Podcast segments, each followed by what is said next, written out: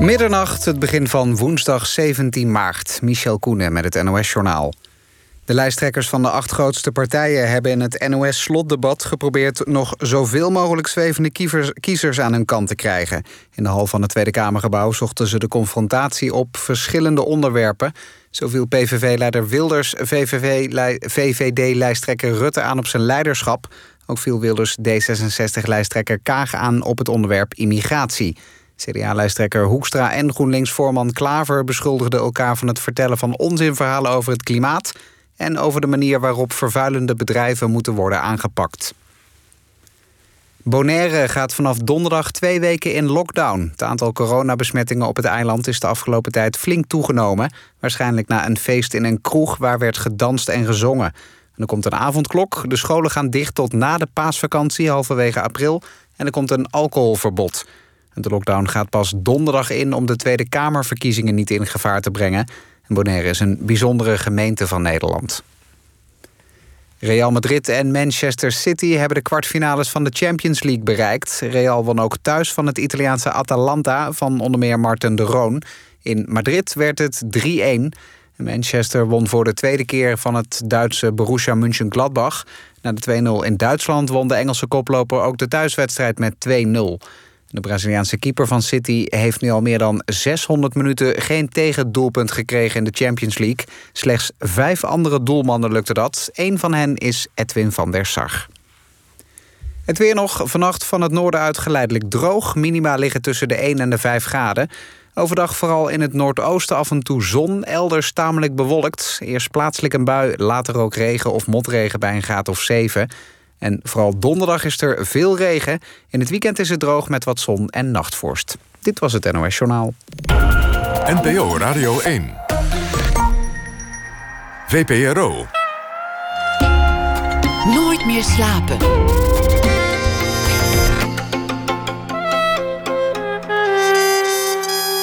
Met Pieter van der Wielen. Goedenacht en welkom bij Nooit meer slapen. Gezinnen die in armoede werden gestort, torenhoge schulden, dakloosheid, depressies, echtscheidingen. Er waren zelfs gezinnen die van gezinsuitbreiding afzagen met de Belastingdienst als anticonceptiemiddel.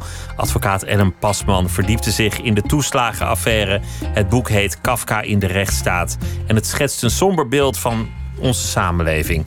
Rechters die zich zonder zich al te veel in de zaken te verdiepen de kant van de staat kiezen en gewoon lekker afhameren. Diensten die weten dat onschuldige gezinnen in de bureaucratie worden vermalen en er toch mee doorgaan. En politici die, ja, die wat eigenlijk? Kafka kortom. De vraag die Kafka al stelde blijkt nog steeds relevant. Kan een mens het nog winnen van de machine? Wie beschermt de burger nog tegen de bureaucraten? Ellen Pasman werd uh, geboren in 1958. Ze is advocaat. Ze kwam in haar carrière meermaals op voor klokkenluiders. En stond Willem Oltmans jarenlang bij in zijn slepende zaak tegen de Nederlandse staat. Een zaak die hij uiteindelijk zou winnen. Ellen, welkom. Dank dat je gekomen bent. Dank je. Dank je zeer voor de uitnodiging.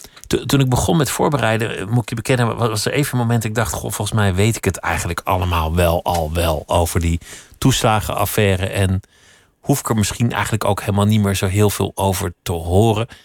Is dat, is dat erg eigenlijk? Maakt mij dat een, een meedogenloos man? Inderdaad. Ja? Volstrekt meedogenloos. Nee, natuurlijk niet. Toen ik het schreef, dat boek, viel ik zelf ook steeds meer van de ene in de andere verbazing. Toch nog wel, na alles wat ja, erover gezegd is en geschreven? Na alles wat erover gezegd is en geschreven... duik je toch weer allemaal nieuwe stukken op. En krijg je een, een, ja, een steeds grimmiger beeld, lijkt wel. En om die reden denk ik ook dat we nog lang niet weten... wat er eigenlijk precies aan de hand is. De onderste steen is nog steeds niet boven? Nee, nee, nee. En daarom is het naar mijn idee ook heel goed dat er een uh, volledige parlementaire enquête wordt gehouden. Dus trouwens dat, ook... dat gaat nog steeds meer opleveren. Ja, dat gaat zeker meer opleveren. Ja, dat gaat zeker meer opleveren. Er kunnen ook veel meer mensen worden gehoord. Andere mensen worden gehoord. En uh, ik neem aan dat er echt gewoon een heel volledig onderzoek ook op documenten wordt gedaan. En nu zijn gewoon niet alle documenten beschikbaar nog steeds afgelakt of niet, niet verstrekt? Of niet nou, ik denk vooral niet verstrekt. Dat lijkt me. Er, zit, er zitten een heleboel hiaten nog in. Het is een, uh, het is een hele grote affaire. En de documentatie die is gewoon incompleet. En dat is ook eigenlijk wel wat uit dat uh, rapport, eindverslag blijkt van de uh, ondervragingscommissie. En dat is ook precies waarom ze de volgende stap zetten. Waarom de Kamer heeft besloten tot de volgende stap. Want de Kamer is meermaals voorgelogen in deze ja. zaak. Langdurig. Ja. Langdurig bij herhaling. Ja. ja. Niet geïnformeerd, niet op de hoogte gesteld. Ja, als die, als die Kamerleden, uh, Pieter Omtzigt, Renske Leijten, Farid Azarkan en ook Van Koten Arissen, zich niet zo erin vast hadden gebeten, dan denk ik dat het ook niet in deze omvang, zoals we het nu kennen, uh, uh, boven water was gekomen. Jij bent advocaat, maar, maar niet in een van deze zaken. Nee. Hoe, hoe kan het dat dit toch zo je interesse heeft gekregen? alle kranten stonden er van vol. En ik zag op een gegeven moment ehm, de voorzitter van de commissie Donner. Dus van die adviescommissie uitvoering toeslagen op televisie. En die uh, had een, een uh, ja, op zichzelf genomen een, een, een, goed verhaal. Maar er zaten ook wel hele uh, schrijnende termen in. Als institutionele vooringenomenheid en, en botte bureaucratie, geloof ik, zei die. En morele corruptie. Maar het ergste vond ik eigenlijk dat hij ook zei dat tegen institutionele vooringenomenheid eigenlijk niet zoveel te doen zou zijn. Dat klinkt bijna als, nou ja, dat is nou eenmaal soms zo. Ja, met een soort gelatenheid. En toen dacht ik, ja, maar hoe kan dat nou? Dat staat, dat staat gewoon in de wet dat dat niet mag. Een bestuursorgaan verricht of vervult de taak zonder vooringenomenheid. Dus hoe kan je daar nou. Hoe, hoe, hoe kan je dit nou eigenlijk zo zeggen? En toen ben ik het uh, advies gaan lezen en daarna ben ik de wetteksten gaan lezen en de uitspraken van de afdeling bestuursrechtspraak. En toen viel ik eigenlijk van de ene verbazing in de volgende. Want toen dacht ik, maar uh, om maar even met de deur in huis te vallen, die terugvorderingen in, in de wet, waarvan weer jarenlang is gezegd dat is dwingend rechtelijk in de wet zo geregeld door de afdeling dat kon ik helemaal niet in die bepaling teruglezen. Het stond helemaal niet in die wet. Het staat helemaal niet in die bepaling. Dit, dit, is, dit is echt een, een fundamenteel, ja. een cruciaal punt. Cruciaal punt. Want er is ook wel gezegd, die Tweede Kamer moet zelf aftreden... want die hebben een slechte wet uh, geschreven. Ja. Want in die wet zou staan, eh, stel een hypothetische situatie... iemand heeft te veel toeslag ontvangen voor de, voor de, voor de kinderopvang... al dan niet door eigen schuld... Vaak was dat helemaal niet door eigen schuld of eigen toedoen. Nee, verkeerde kruisjes gezet, bijvoorbeeld. Ja, of, of eh, informatie die ja. niet beschikbaar was. Nee, of ja, situaties die veranderen. Dus dat kan om allerlei redenen zo zijn dat je een bedrag krijgt en dat dat bedrag achteraf te hoog of te laag blijkt. Ja. En in het geval dat te hoog is, zou je normaal gesproken zeggen: Nou, je had recht op 10.000, je kreeg 12.000, 2000 terug. Terugbetalen, ja. Maar nu was de gedachte dat in de wet zou staan: in dat geval moet de volledige 12.000 ja. worden teruggevorderd. Ja. Ook, ook als het, het kind of de kinderen zijn opgevangen. Dus dat er wel degelijk Dus- een recht had Dus bestaan. er is, ja. En dat is, en ik heb die bepaling echt wel drie, vier, vijf, zes keer gelezen. En toen dacht ik, ja, nou, toen ben ik. Het staat er niet. er en staat het- niet het dat staat- het hele bedrag moet worden nee, er teruggevorderd. staat indien een herziening leidt tot terugvordering. Dan zal in het geval van terugvordering. eh, nee, dan moet ik het trouwens wel even goed zeggen. Ja, die wetteksten zijn natuurlijk ook best wel taai en, en moeilijk Ja. te lezen. Ik weet niet waarom Nou, altijd zo is. ik maar vind dit helemaal niet moeilijk. maar dit is, dit is eh, zelfs voor, voor niet-juristen eigenlijk nog wel Nee, te dit is begrijpen. wel. Als een zin met indien begint, dan is er altijd nog een besluit nodig. En dan is er ook in ieder geval niet een verplichting tot terugvordering. Als dit, dan dat. Er staat niet, er moet worden teruggevorderd. En er staat al Er is helemaal ook niet. helemaal geen verplichting tot terugvordering. En er staat ook helemaal niet het hele bedrag moet worden Nee, teruggevorderd. er staat dan moet de terugvordering in zijn geheel worden betaald. En daar staat dus niet de toeslag moet in zijn geheel worden betaald. Maar deze zaken zijn tot aan de hoogste rechter Ja, in Nederland geweest. ja, En alle rechters daartoe, dus dat, die hele weg, die hebben eigenlijk allemaal netjes afgehamerd wat, wat de overheid ze aanbood. En gezegd, nou ja, het klopt wel, het staat er. Hebben die dan allemaal de wet niet gelezen? Nou, er is dan maar één rechter, hè? er is de rechtbank. Maar het begint, en dat is denk ik ook zo belangrijk waarom die parlementaire enquête er komt. Die moet, en dat zal denk ik ook wel gebeuren, tot het begin teruggaan. Hoe is de wet vanaf het begin af aan uitgelegd? Door de Belastingdienst en toeslagen en eventueel ook door adviezen van bijvoorbeeld de landsadvocaat. Hoe gaan we dit aanpakken? En uh, dat weten we eigenlijk tot nu toe niet. Er zijn wel een paar adviezen gepubliceerd, maar die geven toch niet echt een 100% duidelijk beeld over wat ze nou precies voor ogen heeft gestaan. En het is wel waar dat die wet ook een aantal mankementen kent. Uh, hij is ook een aantal keren gewijzigd en uh, er waren definities niet duidelijk. En dat is allemaal wel waar. Maar uitgerekend deze bepaling, dus het, het beruchte artikel 26a weer, dat is gewoon niet gewijzigd. Maar hoe, hoe, kan zoiets ontstaan? Hoe kan het? Want, want het, is een, het is een lange weg. Iemand die krijgt een vordering, die moet ineens 30.000 euro terugbetalen. Ja. Iemand met een jaarinkomen dat minder dan 30.000 is. Dus zo iemand Bijvoorbeeld, ja. Is vanaf dat moment diep in de problemen. Ja. ja. En, en nou, die, die zal dan misschien in beroep gaan of een bezwaar indienen? Ja, die gaat, die gaat dan. Nou, het gaat dan meestal zo. Er komt dus eerst een beschikking tot herziening.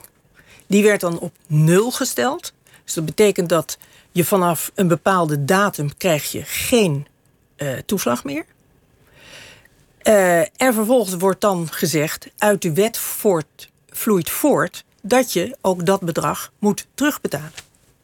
Nou, en dan ga je in bezwaar tegen de herziening en tegen de terugvordering. Dan ga je, als je dat dan verliest, ga je in beroep bij de rechtbank. En als je dat ook verliest, ga je in hoger beroep bij de afdeling bestuursrechtspraak. En al die mensen waar je langskomt, die hebben dus allemaal een verkeerde uitleg aan de wet gegeven en elkaars oordeel overgenomen. Dus die, die eerste uitleg, die werd gewoon blind gevolgd door, door alle mensen die daarna ja. naar moesten kijken. Ik denk dat de, dat de Belastingdienst dit een paar keer heeft geprobeerd. En soms door de rechtbanken, afhankelijk, die zitten dus door het hele land, uh, afhankelijk van, van de casus, uh, is teruggefloten.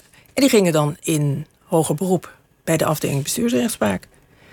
En daar is eigenlijk een, de alles of niets lijn, zoals de afdeling zelf zegt, die is vanaf 2008 is die uh, ontstaan. En er is pas enige verlichting gekomen vanaf 2014, 2015. Maar toen nog hebben steeds ze geen oplossing, want, want in 2020 zaten we er nog middenin. Nee, er is een omslag geweest met de uitspraken van uh, oktober uh, 2019.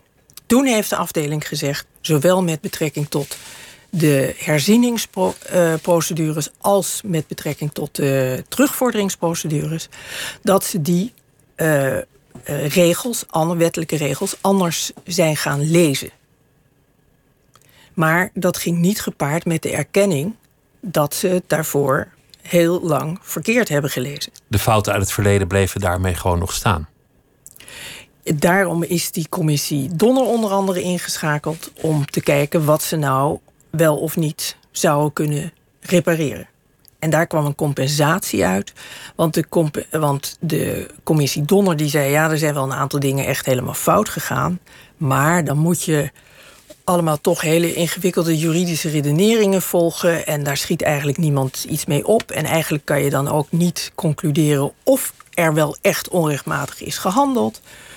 Dus uh, wij stellen gewoon een compensatie voor voor die mensen die zo in de knel zijn geraakt. En dat was dan over de jaren 2012, 2013, 2014. In die kafzaken. En daar begon langzaamaan. En toen kwam, en dat, dat had ik zelf eigenlijk ook al gezien, dat artikel, die, die AWIR, die heeft betrekking op vier typen toeslagen: de huurtoeslag, de zorgtoeslag, het kindgebonden budget en deze toeslag, de kinderopvangtoeslag. En als deze uitleg van de wet, dus zowel van die herziening als van die terugvordering, op deze manier bij al die toeslagen is toegepast, ja, dan beperkt zich dat niet tot de kinderopvangtoeslag. Dus met andere woorden, er zijn dan nog zeker drie andere toeslagenaffaires die nog helemaal niet aan dus het licht zijn gekomen. Er kunnen inderdaad mensen zijn die zowel uh, een kinderopvangtoeslag hebben ontvangen als een huurtoeslag, als een uh, kindgebonden budget. Of een zorgtoeslag. En bij wie dit allemaal heeft gespeeld. Je, je ik, ben dat het... eh, ik ben dat overigens nog niet te- tegengekomen. Maar ik sluit helemaal niet uit. kunnen. Het zou zomaar kunnen. Je, je, je vergelijkt het met, met Kafka, der proces. Ja. Een man die wordt aangeklaagd, maar hij weet niet voor wat. En hij weet ook niet door wie. En hij weet eigenlijk ook niet wat precies de voortgang van zijn procedure is. Ja, En langzaam wordt, wordt zijn leven, nou ja, zoals hij het heeft gekend, beëindigd. ja. Niet in de zin dat hij wordt vermoord, maar in de zin dat hij buiten de, buiten de samenleving wordt, wordt geplaatst. Maar hij krijgt het mes aangereikt Ja, aan het eind. die vergelijking gaat hier wel op. Wat, wat betekent het voor een gezin als je ineens een brief krijgt? Oké, we gaan terugvorderen. Soms wel over een paar jaar. Duizenden, tienduizenden euro's. En het is gewoon geld dat je niet hebt. Ja, Geld dat je misschien wel nooit hebt gehad. Wat, wat Nee. betekent dat? Wat gebeurt er dan? die mensen hebben het natuurlijk niet gehad, want daarom hebben ze die aanvraag gedaan. het die waren niet meteen- in staat, die waren niet in op staat de om die kindertoeslag. kinderopvang zelf te bekostigen. Wat betekent het dan als je dan ineens zo'n brief krijgt van de staat van... hé, hey, we krijgen 30.000 van je. Ja, het, nou ja, wat die ouders daar zelf al een aantal keren over hebben verteld. Dat, het, dat ze in een zwart gat zijn gevallen en, en in paniek zijn geraakt. En dat ze eh, hun baan moesten opzeggen of studies afbreken. En, en sommigen zijn naar een advocaat gegaan. En ja, die heeft, dat heeft die, eh, hoe heet ze, Eva, Eva González Perez ook een paar keer gezegd. De advocaat. Ja, had een van die advocaten, want er zijn er natuurlijk wel meer geweest. eh, dat ze aanvankelijk ook nog wel dacht: nou, dat komt, dat komt nog best goed. En dat pas daarna bleek dat het helemaal niet goed kwam. Omdat er geen contact eh, kon worden gelegd. En ook omdat het allemaal verschrikkelijk lang duurde. En dat is dan natuurlijk ook een ongelooflijk probleem. Want als je daarvan afhankelijk bent en je moet zo lang wachten, ja, dan, dan wordt je situatie van kwaad tot erger. Want er komt rente, er komen kosten van Ja, de vordering, er er komen- ja. deurwaarderskosten. Als ze één keer dan aan de gang gaan, dan, eh, Dan gaat het hard. ja, dan gaat het hard. Ja. Maar dat belang van die, van die families en de schade die hen werd aangericht en de enorme impact op die levens, die drong kennelijk op geen enkel moment door tot alle mensen die erover beschikten. Hoe, hoe, hoe kan dat bestaan? Hoe kan het zijn dat een rechter dat niet meeneemt in een oordeel, bijvoorbeeld? Hoe werkt zoiets? Nou ja, kijk, eigenlijk is het zo dat de, dat de afdeling daar zelf over heeft geschreven in die uitspraken van oktober 2019. Dat het niet helemaal duidelijk was wat er nou voor problemen waren. En dat vond ik eerlijk gezegd wel een beetje gekke overweging. Want normaal gesproken weet je natuurlijk bij elke zaak wat de gevolgen zijn van een bepaald besluit. En anders kan je erin verdiepen en het uitzoeken. En anders kan je erin verdiepen en het uitzoeken. Sterker nog, het lijkt mij ook de taak van de rechter om het uit te zoeken. Waar, waarom en is dat niet gebeurd? Waarom, waarom hebben die rechters schijnbaar dit zo makkelijk laten passeren? Omdat ze ervan uitgingen dat het een, een dwingend rechtelijke eh, verplichting was die in de wet was neergelegd. En dat ze daar dus geen, dat de Belastingdienst geen ruimte had om daarvan af te wijken. En zij dus daarmee ook niet.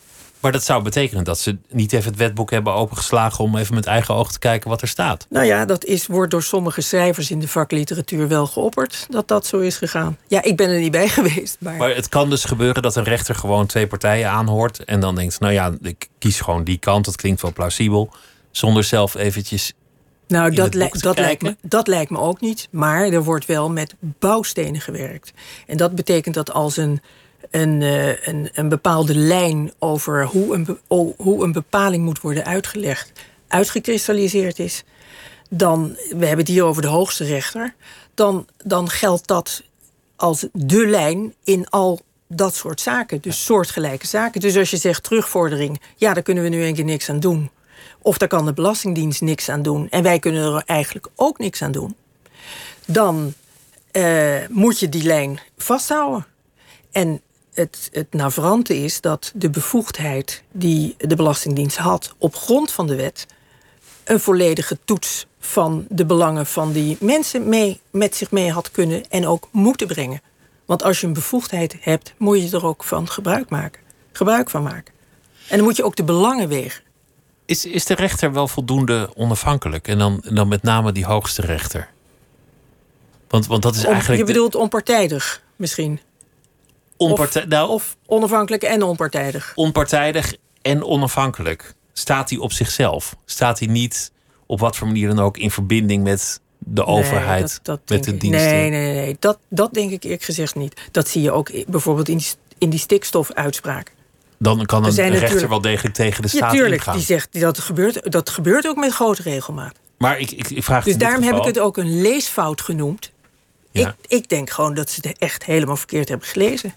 Maar de Raad van State, en daar, is al eerder kritiek op geweest, en daar, schrijf je ook over in je boek, Ja, is natuurlijk in die zin wel een gek instituut, omdat het meerdere functies heeft. Dat hebben ze Ja. ook geprobeerd een beetje te veranderen, maar het is een adviserend orgaan, ja, een rechtsprekend orgaan.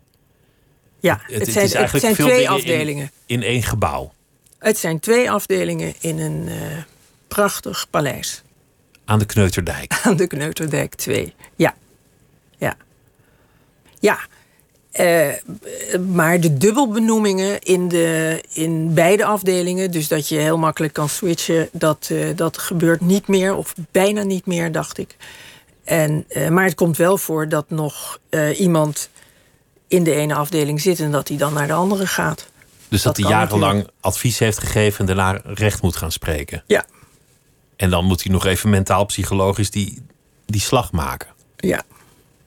Maar het is. Het, het- ik, ik denk echt dat het gewoon een leesfout is. Dat is op zichzelf genomen trouwens ook al heel ernstig. Maar ik geloof niet dat het in de, in de onafhankelijkheid of in het gebrek aan, part- aan onpartijdigheid zit. Dat geloof ik niet. Maar ik ben, ik ben zo benieuwd hoe zoiets kan bestaan. Wat, wat voor. Laten we ervan uitgaan voor de grap dat het, dat niet slechte mensen zijn. Dat, dat, het, dat kan natuurlijk slechtheid. Het kan ook zijn domheid. Maar het kan ook een soort verklaarbaar motief zijn. Ik heb geen idee. Hoe kan er een soort, soort groepsgedachte ontstaan. waarbij jarenlang een lijn van denken wordt gevolgd. Ook al voelen mensen ergens wel aan, want dat blijkt ook wel weer. dat er iets niet goed gaat. Hoe Ja, werkt op een gegeven moment is er dus kennelijk een zaak geweest waarvan men dacht binnen de Raad van State: ja, dit is toch niet, dit is toch niet, dit is toch niet goed.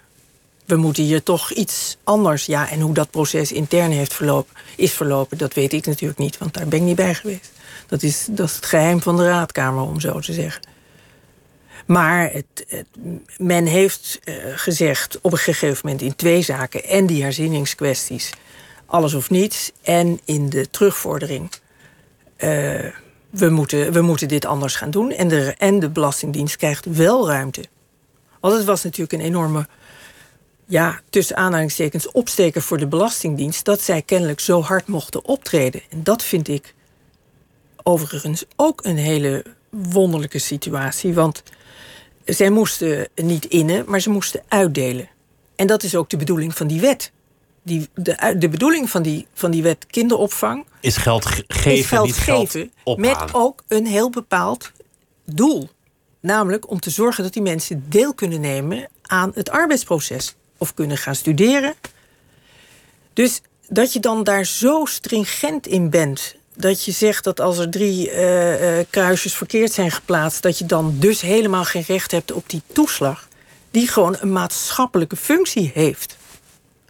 Dat is wel interessant. De Belastingdienst is natuurlijk nooit opgericht om geld uit te delen. De Belastingdienst is opgericht om geld op te halen. Ja. Dus zij zaten gewoon nog in hun oude modus. Ja, maar in de, in de memorie van toelichting staat, dat vroeg ik me namelijk aanvankelijk ook af. Hoe kan, hoe, hoe, waarom hebben ze dat eigenlijk zo gedaan? Maar in de memorie van toelichting stond onder andere dat de Belastingdienst bekend is met het verstrekken van toeslagen. Onder andere bij eh, ruimtelijke ordening. Nou ja, ik heb dat verder niet uitgezocht, maar op zichzelf genomen zou je denken, ja, Dat zouden ze moeten kunnen. waarom zouden ze het eigenlijk niet kunnen? Ik, ik vind de constructie die gekozen is veel, veel, veel gekker dan, dan dat ze gewoon normaal gesproken toeslagen zouden uitkeren. Je, je noemt ook de landsadvocaat. Ja, En de landsadvocaat is een, is een beetje een vreemd instituut dat nu in opspraak is om andere redenen. Omdat een van de, de advocaten daar in dienst ernstige fraude en diefstal heeft gepleegd. Wat een natuurlijk toch notaris. Een, een notaris, ja. Ja. Wat, wat toch een beetje een, eh, een vlek werpt op het hele instituut landsadvocaat. Zo'n chic kantoor waar dan zoiets kan gebeuren. Dat staat hier verder helemaal los van. Maar toen werd, werd ook wel door menige commentator de vraag opgeroepen: waarom hebben we eigenlijk een landsadvocaat? Wat, wat is dat eigenlijk? Maar, maar wat, is, wat is jouw kritiek op de landsadvocaat in deze zaak? Nou, er zijn vier adviezen inmiddels uh, gepubliceerd. En uh, het wordt niet daaruit helemaal helder of ze nou helemaal goed hebben geadviseerd of, of gewoon echt verkeerd. En dat is ook waarom ik denk dat zo'n parlementaire enquête heel goed zou zijn. Dan kan je het eerste advies zien. Want zij zeggen: we zien een zaak, zo moet je dit behandelen. Ja, ja. En, uh, maar er is bijvoorbeeld wel uh, in een bepaald advies staat: als je.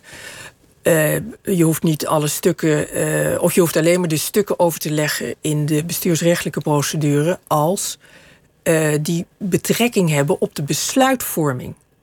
Maar er kunnen natuurlijk een heleboel andere stukken zijn die geen betrekking hebben op de besluitvorming, maar die toch de rechter een inzicht kunnen geven in, een bepaal, in hoe een bepaalde kwestie in elkaar zit. En waar, die kan dan bijvoorbeeld vragen: waarom heeft u hier eigenlijk geen gebruik van gemaakt bij uw besluit? En die kans ontneem je, ontneem je die rechter dan als je die stukken niet verstrekt. Je schrijft ook dat, dat mensen van de landsadvocaat vaak gezien hun specialisatie ook later terechtkomen bij de Raad van State. Ja, dus dat, dat is een kleine soort, 10 procent. Soort personele overloop ook weer is. Ja, nou ja. Ja, op zichzelf genomen. Kijk, als je advocaat af bent, kan je op zichzelf genomen in elke functie waar je voor gekwalificeerd bent. Uh, kan je, op zich kan je aan de slag. kwalijk. Dat is, niet, dat is op zichzelf niet kwalijk. Waar, waar ik en een beetje tegenaan hik, dat is dat ik denk: dit is allemaal wel heel kort op de vierkante meter in Den Haag. Er en, ontstaat En de landsadvocaat heeft natuurlijk. En landsadvocaat heeft natuurlijk een enorme exclusieve informatiepositie. In welke zin? Dat, dat zij nou gewoon dicht op het vuur zitten? Als, ja, ze, als, ze, ze hebben dus een aantal uh, ministeries hebben zij als, uh, of alle ministeries hebben zij als cliënt. En ze hebben de, daarmee dus ook de staat als cliënt. In zowel bestuursrechtelijke als in civielrechtelijke procedures.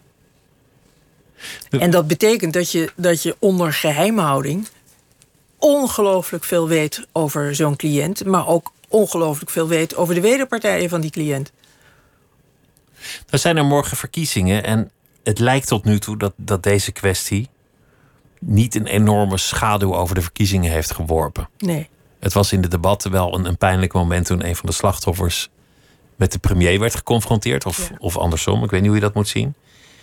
Maar verder heeft het volgens mij electoraal niet grote gevolgen gehad. Waar ik wel veel over heb gelezen, is dat, dat er vragen zijn over de mate van rechtsstatelijkheid van verschillende partijen. Ja.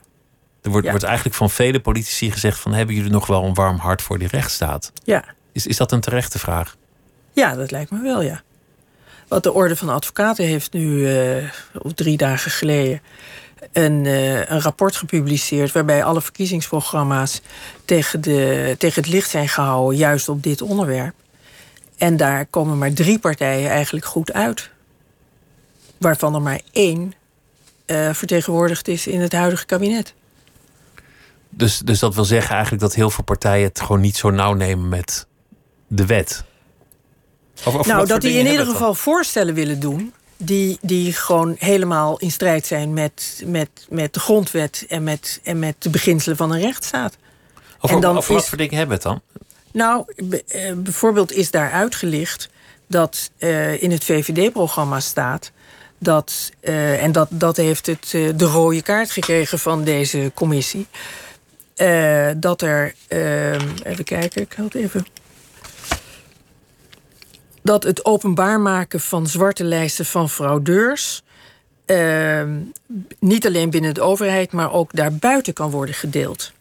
Dus dat je namen en, en uh, ja, dat je dus, kan ja. verstrekken aan het publiek. Ja. Een soort website of zo, dat je kan zien wie fraudeur ja. is. Terwijl eh, als, als dan de premier zegt dat hij veel geleerd heeft van die toeslagenaffaire, daar komen nou juist lijsten met fraudeurs in voor. Zodat dan de vraag rijst: wat heeft hij daar dan van geleerd, eigenlijk? Want je kan maar niet zo natuurlijk lijsten gaan maken met namen van mensen. Doe me En- denken aan een café waar ik vroeger kwam, waar ze dan de mensen die hun rekening niet hadden betaald, zo bovenaan de bar Ja. op een krijtbord. Ja, het is een beetje de digitale mestkar. Het, het meest kwalijk in die toeslagenaffaire is dat er toch ook een, een, een flinke verdenking van racisme bij komt kijken. Ja, Van etnisch profileren. etnisch profileren, dubbele mensen met, nationaliteit. met ja. een, een achternaam die niet heel erg eh, autochtoon Nederlands klinkt. Of Ja. mensen met een dubbel paspoort. Of ja, al dat soort dingen. ja, ja. Ja. Maar ja, dat wordt, dat wordt eh, begrijp ik, ook door de autoriteit persoonsgegevens nog verder uitgezocht. En dat zal ook in die. Kijk, de, mijn boekje gaat eigenlijk alleen maar over de juridische kant van die twee bepalingen. Van wat is daar nou Van eigenlijk wat is daar nou eigenlijk precies gebeurd? En hoe, hoe kan dat? De leesfout, zoals je het zo, zo leesfout. mooi noemt. En daar, nou, dank je. En daarom heb ik het ook, ook, ook taalkundig benaderd. Ontleding. Wat een In- jurist doet. Indien. Een tekst. Ja, ja. Dat staat er Als nou een zin met indien begint, dan kan je al bijna op je tien vingers natellen dat, hier, wel, dat je hier geen dwingend rechtelijke eh, verplichting hebt. Als we het dan toch over, over lezen en luisteren. eh, Ma- Mark Rutte benadrukte steeds eindbaas. Waarmee die soort afstand tussen zichzelf en Ja. de, de casus maakte. Van, Ja. Ik was niet direct verantwoordelijk. Ja. Uiteraard natuurlijk eindverantwoordelijk. Ja, Maar ik heb er zelf niet iets mee te maken gehad. Heeft hij keer op keer benadrukt. ja. Is dat terecht? Nou, hij heeft in dat verhoor eh, voor die commissie, eh, de ondervragingscommissie, heeft hij ook gezegd dat hij, eh, wat, wat volgens mij ook als premier ben je voorzitter van alle onderraden. En er is ook een ministeriële commissie opgericht. Met, met betrekking tot aanpak van fraude van inkomensgerelateerde uitkeringen of regelingen. Ja, en dan zou ik toch zeggen, dan kan je toch bijna niet meer zeggen dat je daar helemaal niks van geweten hebt. Of dat je daar niet ook mede verantwoordelijk voor bent. Hij had het in ieder geval kunnen weten.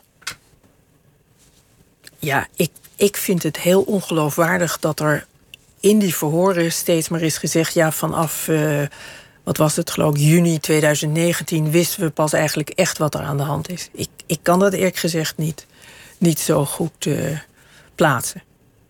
Voor wie later inschakelde, Ellen Pasman zit tegenover mij. Ze heeft een eh, boek geschreven over de toeslagenaffaire vanuit eh, de juridische kant bekeken. En eh, dat heet Kafka in de rechtsstaat. Ik noemde al aan het begin dat je, dat je ook de advocaat van Willem Oltmans bent geweest. Dat je ook inzet voor klokkenluiders. Het, het lijkt alsof jouw hart als jurist vooral ligt bij mensen die op wat voor manier dan ook door die rechtsstaat terzijde worden geschoven. Die, die, die een soort outcast worden. Ja, dat is, Is, wel herken je daar iets in? Ja, maar ik heb niet alleen. Jawel. Ja, je hebt natuurlijk maar ik heb, niet, ik heb gedaan. allerlei zaken, maar niet. Maar dat is, dat is wel ook een, eh, inderdaad een, een type eh, zaak waar je wel harder voor gaat lopen. En, en kan je dat type zaak omschrijven? Waar, waar hebben we het dan precies over?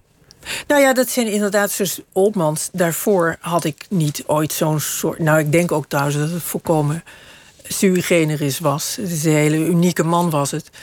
Eh, maar ik had niet, ik had niet zo'n zo'n soort zaak gehad ooit. En toen las ik het, eh, de, de bewijsstukken die ik van de NVJ kreeg, de Nederlandse Vereniging van Journalisten. En toen dacht ik, nou, ik kan me niet voorstellen dat als je dit in handen hebt, bewijs uit de boezem van de overheid zelf, waar Luns telegrafeert. We hebben hem nu eigenlijk ook bij de Wall Street Journal onmogelijk gemaakt. Want ik heb net met ze geluncht en ze zijn bereid om geen stukken meer van hem te plaatsen. Ja, dan, dan, dan kan dan dat bijna zaak. niet anders dan dat dat tot een regeling moet. En ik was dus kennelijk zo naïef toen, of dat, ja, dat is duidelijk, dat ik dacht dat dat wel een half jaar zou zijn opgelost. En het heeft uiteindelijk nog vijf jaar geduurd. En er hebben gaande die route tot het einde hebben heel veel mensen tegen mij gezegd: hou nou, hou er nou maar eens een keer mee op en het wordt toch niks. En, eh, en daar, dat, daar ben ik nooit van overtuigd geweest. Ik heb eerlijk gezegd van meet af aan gedacht: nou ja, dit is zo eh, onrechtvaardig. En dit deugt ook zo helemaal niet. Ze hadden namelijk 30 jaar lang, ze, ik moet zeggen, buitenlandse zaken had 30 jaar lang de stukken waarvan hij vermoedde dat ze er waren, maar niet wist dat ze er waren, achtergehouden. Even voor de, voor de jongere luisteraartjes. Willem Oltmans was een, een pittoresk figuur. Ja. Mag ik zeggen, een mediapersoonlijkheid, maar in essentie zou Ja. hij zelf gezegd hebben, journalist.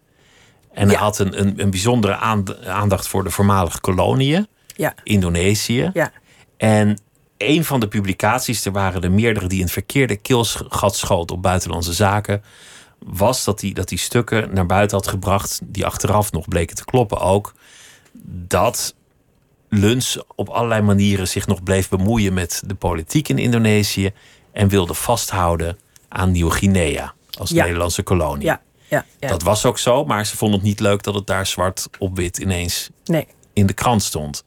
En vanaf dat moment zijn ze begonnen. Ja, hoe, hoe georchestreerd dat nou precies was, dat was lange tijd niet duidelijk. Maar met hem dwarsbomen. ja, Met een telefoontje hier, een, een eh, opmerkingje daar.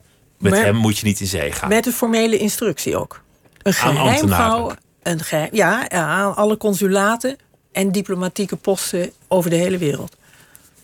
Hij was persona non grata geworden. Ja, ja, u moet de grootste terughoudendheid betrachten. Maar het ging uiteindelijk zelfs zo ver dat ze ook in het buitenland gingen proberen, Ja. met succes, om zijn Ja. opdrachtgevers Ja, te bereiken en te zeggen: Heb je nou met die Oldmans gewerkt? Doe dat nou maar niet. doe dat nou maar niet. Plaats er maar geen stukken van hem. En klopt het ook dat hij op last van de, wat toen heette BVD, door de CIA is geschaduwd, zoals hij zelf altijd beweerde? Ja, ja, ja, daar zijn ook documenten van. Ja, Dus je schopt één keer iemand tegen de schenen, omdat je eigenlijk gewoon je werk doet en je hebt ineens ja, een soort geheime staatsmissie tegen ja, jezelf. ja, ja. Ja, dat is daar absoluut gebeurd. En dan volgt daarna eigenlijk de ontkenning. En dat heeft mij zo getriggerd ook. Dat ik, je voelde eigenlijk dat het niet klopte. En, maar je kwam er niet steeds achter. Of je kwam er heel moeilijk achter. En toen, hadden, toen waren die stukken er een keer. En toen dacht ik, nou ja, dan binden ze nu wel in. Maar dat was dus helemaal niet zo. Want, want stukken Want die, waarvan werd gezegd dat ze niet bestonden, bleken ineens wel nou ja, daar te werd, daar werd van gezegd. Het feit dat, dat die nu zijn verstrekt, wil niet zeggen dat die nog kunnen leiden tot een vordering tot schadevergoeding. Dus een volkomen juridische, alleen maar een juridische benadering. Dus hier heeft u ze, maar u moet niet denken dat u hier nog wat aan heeft. Het is verjaard. En daarvan heeft de Haagse rechtbank op een gegeven moment gezegd: ja, maar eh, dat, hoe kan dat nou? Verjaard. Hij had ze niet. Hij kende ze niet. Dus de verjaringstermijn die is gaan lopen vanaf het moment dat hij ze ontvangen heeft. Dat is een belangrijke beslissing. Dat was een hele belangrijke beslissing. En daar stond ook iets verder heel belangrijks in, namelijk dat eh, toen oud-minister Luns bedrog had gepleegd. Want er was namelijk een instructie uitgegaan. eh, en de voorloper van de NVJ, dat was de Nederlandse Federatie van Journalisten. Die had ergens in, geloof ik, eh, 62 of iets gezegd. eh, kan je niet een ander. Er moet nou toch eindelijk wel zijn. eh, hij moet gewoon worden behandeld. En toen heeft Luns gezegd: Nou, oké, dat gaan we dan doen. Maar die heeft een week daarna andere instructie gestuurd. Met ja, ik heb wel nu moeten toezeggen dat wij hem gaan behandelen zoals alle andere journalisten. Maar u moet wel begrijpen dat hij voor mij nog steeds niet is veranderd. Nou, dan kwam er zo'n hele waslijst met wat er allemaal niet aan hem deugde. Dus inhoudelijk was er eigenlijk helemaal niks veranderd. Het was een cosmetische operatie. Hij had ook wel de reputatie gekregen dat hij een querulant was. En een Ja. ander woord dat onmiddellijk viel wanneer de naam Oldmans viel, was landverrader. Ja, En dat laatste had waarschijnlijk te maken met zijn, waar hij zelf ook graag over opschept, nauwe banden met Sukarno. ja, Wat op zich bijzonder is, want zoveel mensen, neem ik aan, in de westerse journalistiek konden niet zich bogen op nauwe banden met Sukarno. nee.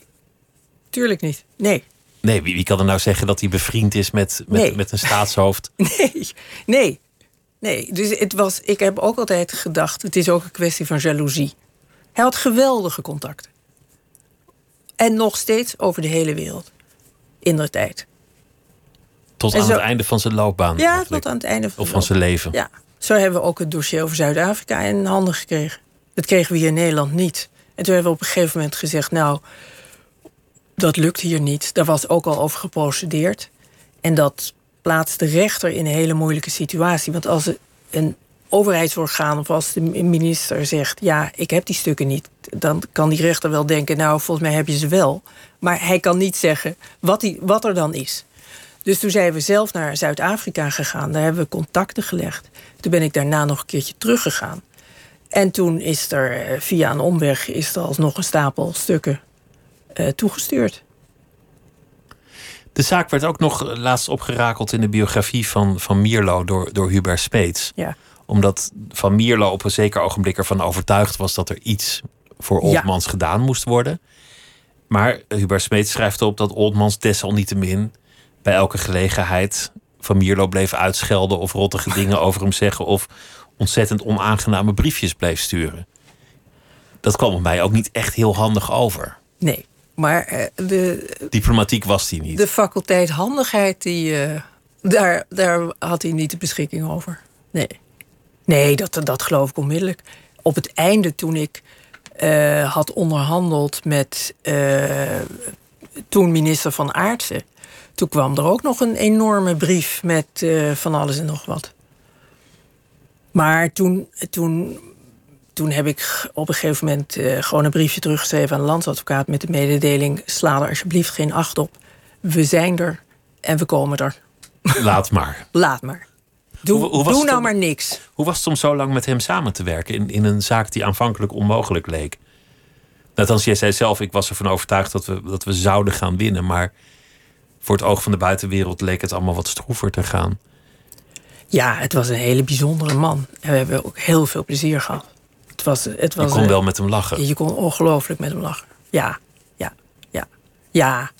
En hij kon ook heel aardig zijn. Het, hij kon, het was een, een, een charmant kreng. Hij kon ongelooflijk filijn zijn. En dan draaide hij daarna ineens weer om en dan ging hij een ijsje voor je kopen. Het was een hele, ja, het was ook een, heel, een hele wonderlijke man. Het was trouwens ook een hele intelligente man. Maar het, het, het, het moet toch ook wat traumatiserend zijn als je er op een zeker ogenblik achter komt. Ook al kan je het niet bewijzen dat, dat je carrière kapot is gegaan. Dat je 30 jaar lang door zo'n machtig apparaat als een overheid stelselmatig bent tegengewerkt. Zonder meer. Beleidsmatig. Ja. Wat doet dat met iemand? Nou, hij probeerde zich er zoveel mogelijk voor af te sluiten. En dat is hem wonderbaarlijk goed gelukt, denk ik. Dat is echt een gave. Om daar immuun voor te zijn? Ja. Hij, hij heeft er op het laatst ook wel, uh, denk ik, meer, eh, meer onder geleden dan, dan zeg maar in het begin. Want toen was hij nog. Uh, nou ja, hij was natuurlijk al dik in de zestig. Maar uh, ja, hij was gewoon heel goed gehumeurd. En dat, dat is echt. En hij had zijn piano en. Nou, wel, dat was natuurlijk helemaal niet waar, want die moest hij achterlaten in Zuid-Afrika. Had ook zijn piano niet meer? Had ook zijn piano niet meer. En dat vond hij heel erg. Maar hij speelde dan nog wel eens bij een vriend. En uh, ja, maar hij heeft het echt heel waardig gedragen. Daar heb ik enorme bewondering voor gehad. En toch nog op een zeker ogenblik ook die overwinning gekregen en, en de schadevergoeding. Ja, ja, ja. En dat is ook, uh, vind ik, volkomen terecht. Want later heb ik natuurlijk ook nog wel gehoord van uh, die, die commissie, die was hartstikke gek en noem maar op en zo. Maar je kan natuurlijk niet iemand maar zo in de wielen rijden.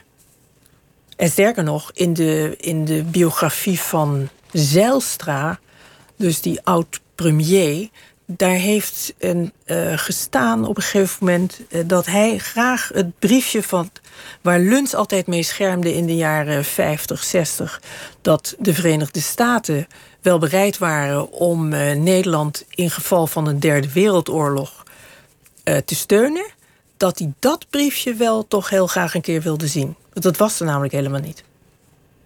Dus er werd wel vaker gelogen eigenlijk? Ja. Ja. Je had, je had in je boek over die toeslagenaffaire ook op een zeker ogenblik uh, Fred Spijkers aan.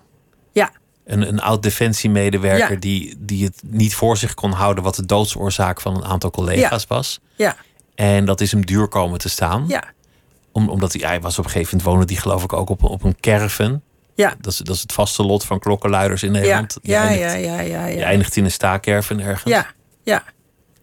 Dat, dat is eigenlijk een soortgelijke zaak. want Die man, die man is stelselmatig tegengewerkt. Het duurt allemaal veel te lang.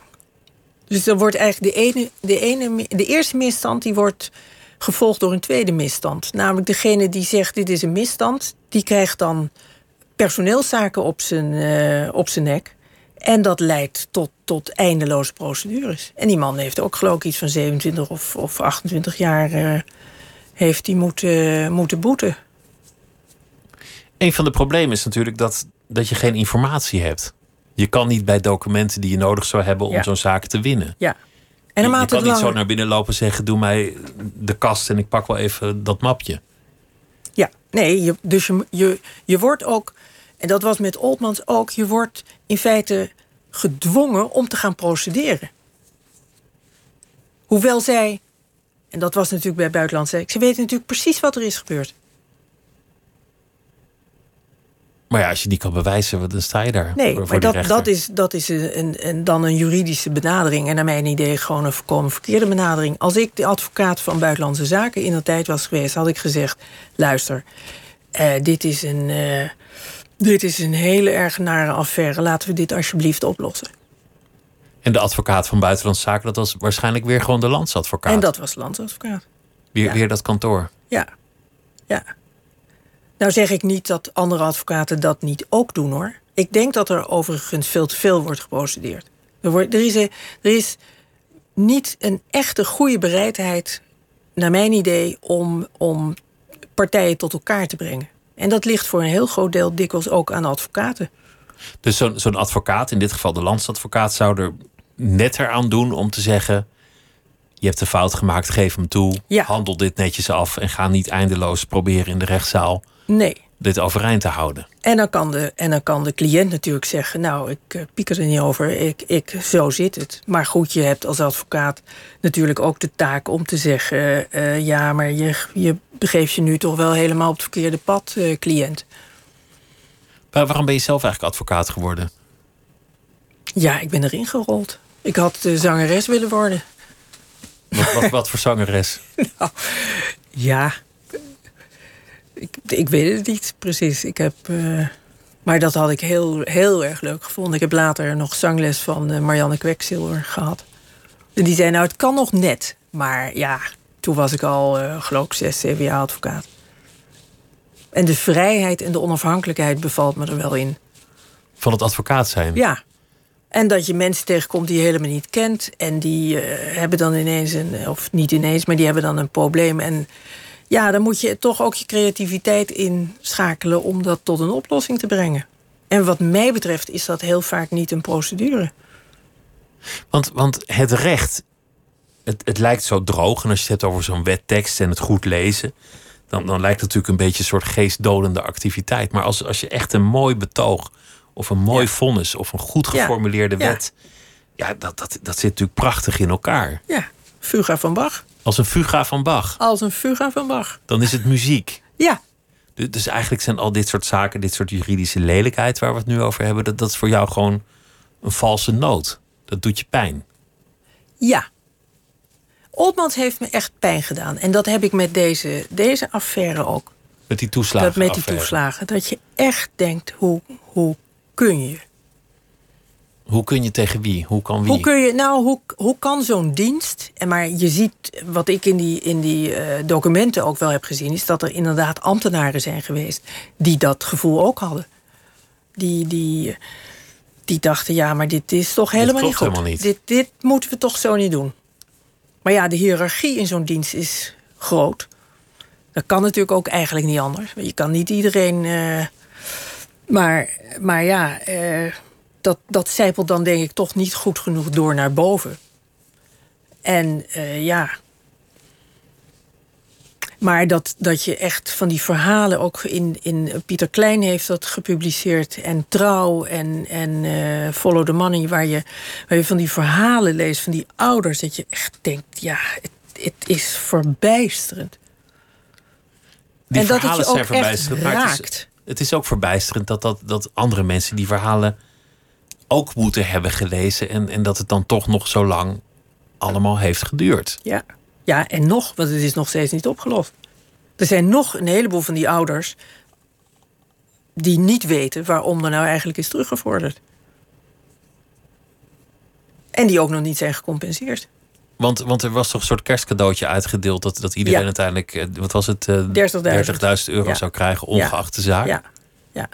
Maar dat is nog niet gestort, geloof ik, in alle gevallen. Nou, het is niet in alle gevallen gestort. En daarbij speelde ook nog dat eh, private schuldeisers, dus niet overheidsschuldeisers, maar private schuldeisers, dus de verhuurder of, de, of grootmoeder of, of noem maar, dat die zouden afzien van hun schulden, van hun vorderingen. ja, en waarom ja, en zouden dat ze dat kan je doen? natuurlijk. Ja, daarvan, dat dacht ik dus ook. Waarom zou je dat nou doen? Als iemand, eh, Als je dan de grootmoeder bent waar, waar Asscher het over had, die leent haar dochter, eh, of de moeder, je, je, die leent haar dochter 30.000 euro of 40.000, weet ik. En die moet dan daarvan afzien, terwijl zij haar dochter alleen maar heeft willen helpen. En part nog deel heeft aan het ontstaan van het probleem. Heb je, heb je zelf de indruk, want je zei er wordt te veel geprocedeerd, dat, dat dat nog wel werkt? Want op zich is natuurlijk een groot goed dat je kan procederen. Maar niet iedereen heeft evenveel toegang tot een advocaat. En een advocaat Nee. is duur. En een prodeo-advocaat krijgt maar weinig uurtjes. Ja. En niet elke prodeo-advocaat heeft daar evenveel zin in. En dat kan ik eigenlijk ook wel weer begrijpen. Ja, maar, Maar- dan moet je het niet doen. Ik, ik, kijk, als je het doet voor weinig geld, moet je het ook. Je moet het wel doen. Of je doet het of je doet Of je het doet niet. het of je doet het niet. Dan maar dat, dat, dan, dan, ja, dat, eh, dat, dat standpunt ben ik wel eh, toegedaan.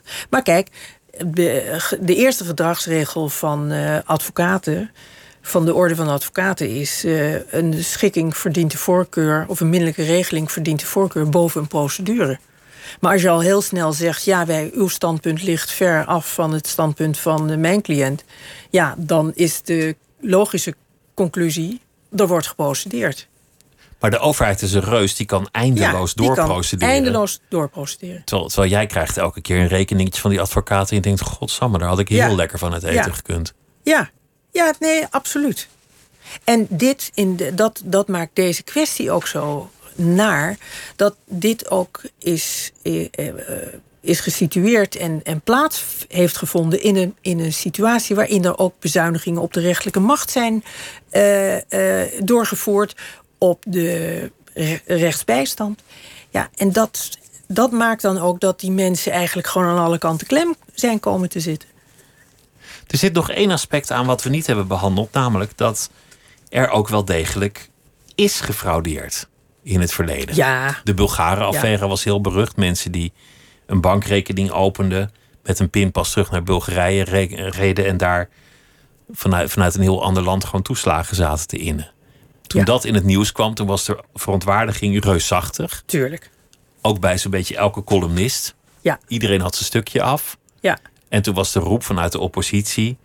Ja. die overheid is veel te slap, Ja. jullie moeten veel strenger worden. ja. Ga nou eens wat doen. Maar dat uitte zich voornamelijk dan in een nieuwe wet met boetes en meer boetes en hogere boetes en alleen maar boetes.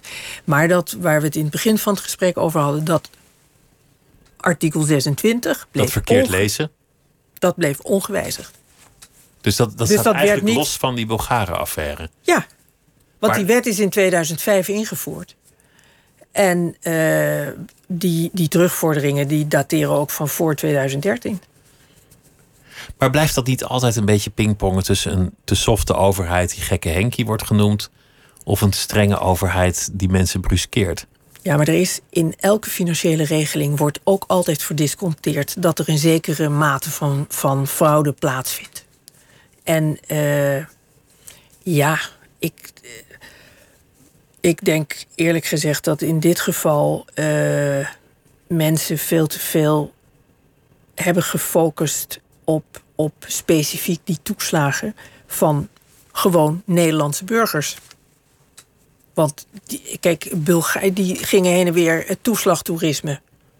Maar dat gold voor die ouders die in Nederland een kind hebben, gold dat natuurlijk helemaal niet. Dus ik vind die vergelijking ook eigenlijk helemaal niet opgaan. Het heeft helemaal niks met elkaar te Het heeft maken. gewoon helemaal niks met elkaar te maken. Het roept ook de vergelijking op met de, de Somaliër-affaire. Ja, Uit, eh, god welk jaar was het? 2004. ja, Daar was op een gegeven moment werd, werd er gefraudeerd door Somaliërs die, die hier alleen maar heel kort kwamen en dan verder reisden. En toen werd Ja. daarna besloten dat iedereen die ook maar enige associatie met Somalië had, Ja, eh, potentieel als fraudeur Ja. te boek stond Ja. en, en moest worden omgekeerd. ja, ja. En daar is toen eh, de toenmalige staatssecretaris Rutte nogal vrij gevoelig voor op de vingers getikt. Door de rechter. Wegens etnische profilering. Ja, in strijd met artikel 1 van de grondwet. En dat verhaal, dat eh, heb ik, ik had het ook in de krant gelezen van, eh, ik, van een columnist. En toen ben ik het gaan opzoeken, dat eh, vonnis. En toen dacht ik, nou, nou, ik zeg niet dat het een fuga van, Bas van, van Bach is, dat vonnis. Maar dat zat wel heel goed in elkaar. Was heel duidelijk. Ja, ja, Schending Ja. artikel 1. Ja. Ja, pats, pats, pats. Dat was echt niet kinderachtig. En ja, en dat, dat, daarvan zou je ook denken... dat dat hoort in een rechtsstaat gewoon helemaal niet, niet voor te komen. En nog even over die fraude. Er, waren, er, zijn, er is natuurlijk ook gefraudeerd met die kinderopvangtoeslag. Ik kwam bijvoorbeeld ergens een zaak tegen van iemand die geen kind had En toch aanvroeg. toch aanvroeg en daarover ging procederen. Is natuurlijk ook heel apart. dat je gewoon denkt, ik heb dat geld nodig. ik Snap heb dat geld. nou? nodig. Ja, ja. Nou ja, dat is ook verder niet gelukt. Maar daarvan denk ja. Ja, maar de mate waarin. Kijk, dat, dat, dat was het probleem ook met die, met die CAF en de Fiat. De Fiat is, is er natuurlijk voor grote en zware fraude gevallen. En die CAF, dat was gericht op verstoring. Stopzetting van uitkeringen onder andere. Ja, en dat, ja, dat als daar eigenlijk geen grond voor is, mag je dat ook niet doen. En dat is wat die directeur-generaal Veld onder Ede zei. Ja, er wordt nu steeds maar gezegd eh, eh, dat, dat dat niet helemaal bekend was wat er nou werd bedoeld. Maar het was mij volkomen bekend. De uitkering moest worden, of de toeslag moest worden stopgezet. Ja, en wat is het gevolg van stopzetten? Dat die mensen geen geld krijgen. Ja, zo ingewikkeld is het nou dat, ook is, niet. dat is toch niet, dat is geen hogere wiskunde. Als ik het me goed herinner, heeft Kafka der proces ook helemaal nooit af kunnen maken, toch? Nee, is eigenlijk inderdaad. Het is een- een onvoltooide. Het is Ja, dat- onvoltooid meesterwerk. Dat maakt het nog meer sinister. Daardoor komen we er ook helemaal nooit achter Nee, hoe, de- hoe dat afloopt. Hoe het, het gaat, afgelopen zou zijn. het gaat door Ja. tot in, in ja, ja, in den einde. Ja, ja, dat, dat maakt het ook nog het meest moedeloze boek dat je ooit zult lezen. Want dat einde waar je op hoopt, dat, dat komt gewoon helemaal niet. Nee, het is, hoeft- een, nou, het is een prachtig boek. Ja, het is een prachtig boek, maar hij raakt ook aan een heel fundamentele waarheid. Ja, Namelijk dat je gewoon, je kunt vermalen worden in bureaucratie. ja, ja. En als het lot je treft, dan word je ook vermalen. Is dat niet van alle tijden in de geschiedenis dat, dat uiteindelijk bureaucratische machines meedogenloos zullen zijn? Nou, dat is nou precies wat, wat een rechtsstaat eh, Probeert eh, het tegen te beo- gaan. beoogt tegen te gaan, ja. En dat is, dat, dat is ook nu twee keer in de troonrede in 2019 en 2020 eh, uitgesproken. Het is het kostbaarste bezit van de samenleving, de rechtsstaat. Die moet beschermen tegen misbruik en willekeur. Machtsmisbruik en willekeur, ja. Maar ja, Als dat ons kostbaarste bezit is, dan eh, gaan we er best slordig mee om. ja. Bijzonder slordig. Dankjewel dat je langs wilde komen. En het eh, boek heet Kafka in de rechtsstaat. Over de toeslagenaffaire. Maar ook over eh, hoe een zaak te voeren tegen een overheid die niet alle informatie wenst prijs te geven. En Basman, dankjewel dat je langs wilde komen. Hartelijk dank. En dit was eh, Nooit meer slapen voor deze nacht. Morgen dan zijn we er niet. Want dan is het eh, feest van de democratie de hele avond. eh, de uitslagen van de verkiezingen op NPO Radio 1. En zometeen kunt u luisteren naar Miss Podcast. En ehm, ik wens u een hele goede nacht. En morgen een fijne verkiezing.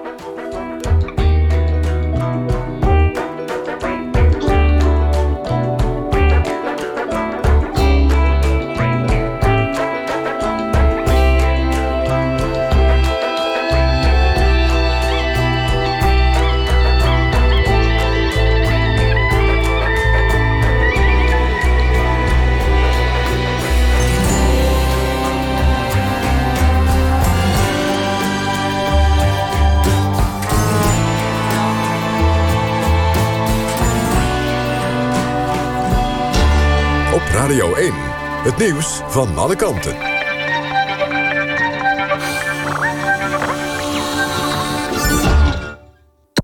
NPO Radio 1. 1 uur.